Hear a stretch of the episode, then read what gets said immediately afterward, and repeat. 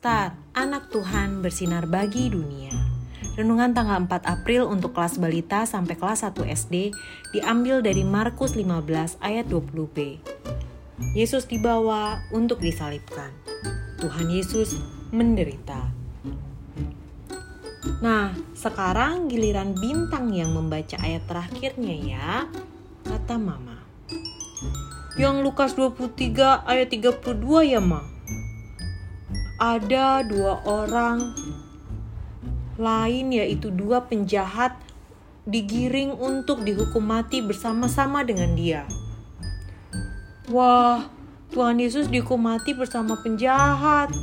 Bintang sedih mah, Tuhan Yesus disamakan penjahat. Padahal Tuhan Yesus itu baik, bukan penjahat, kata Bintang. Iya Bintang, Itulah kasih Tuhan Yesus yang rela mati di kayu salib untuk menebus dosa dan menyelamatkan semua orang yang mau percaya. Kata Mama menjelaskan.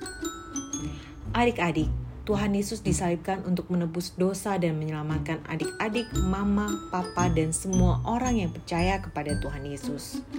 Adik-adik, itulah kasih Tuhan Yesus. Adik-adik, yuk ajak mama, papa berdoa bersyukur untuk kasih Tuhan Yesus. Coba adik-adik bicarakan sama mama, papa, kasih Tuhan Yesus kepada adik-adik itu seperti apa ya? Kalau sudah selesai, adik-adik bisa melanjutkan mewarnai gambar di bawah ini.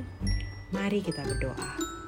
Tuhan Yesus, terima kasih sudah mau mati di salib untuk menebus dosa dan menyelamatkan aku dan keluargaku. Terima kasih Tuhan Yesus. Amin.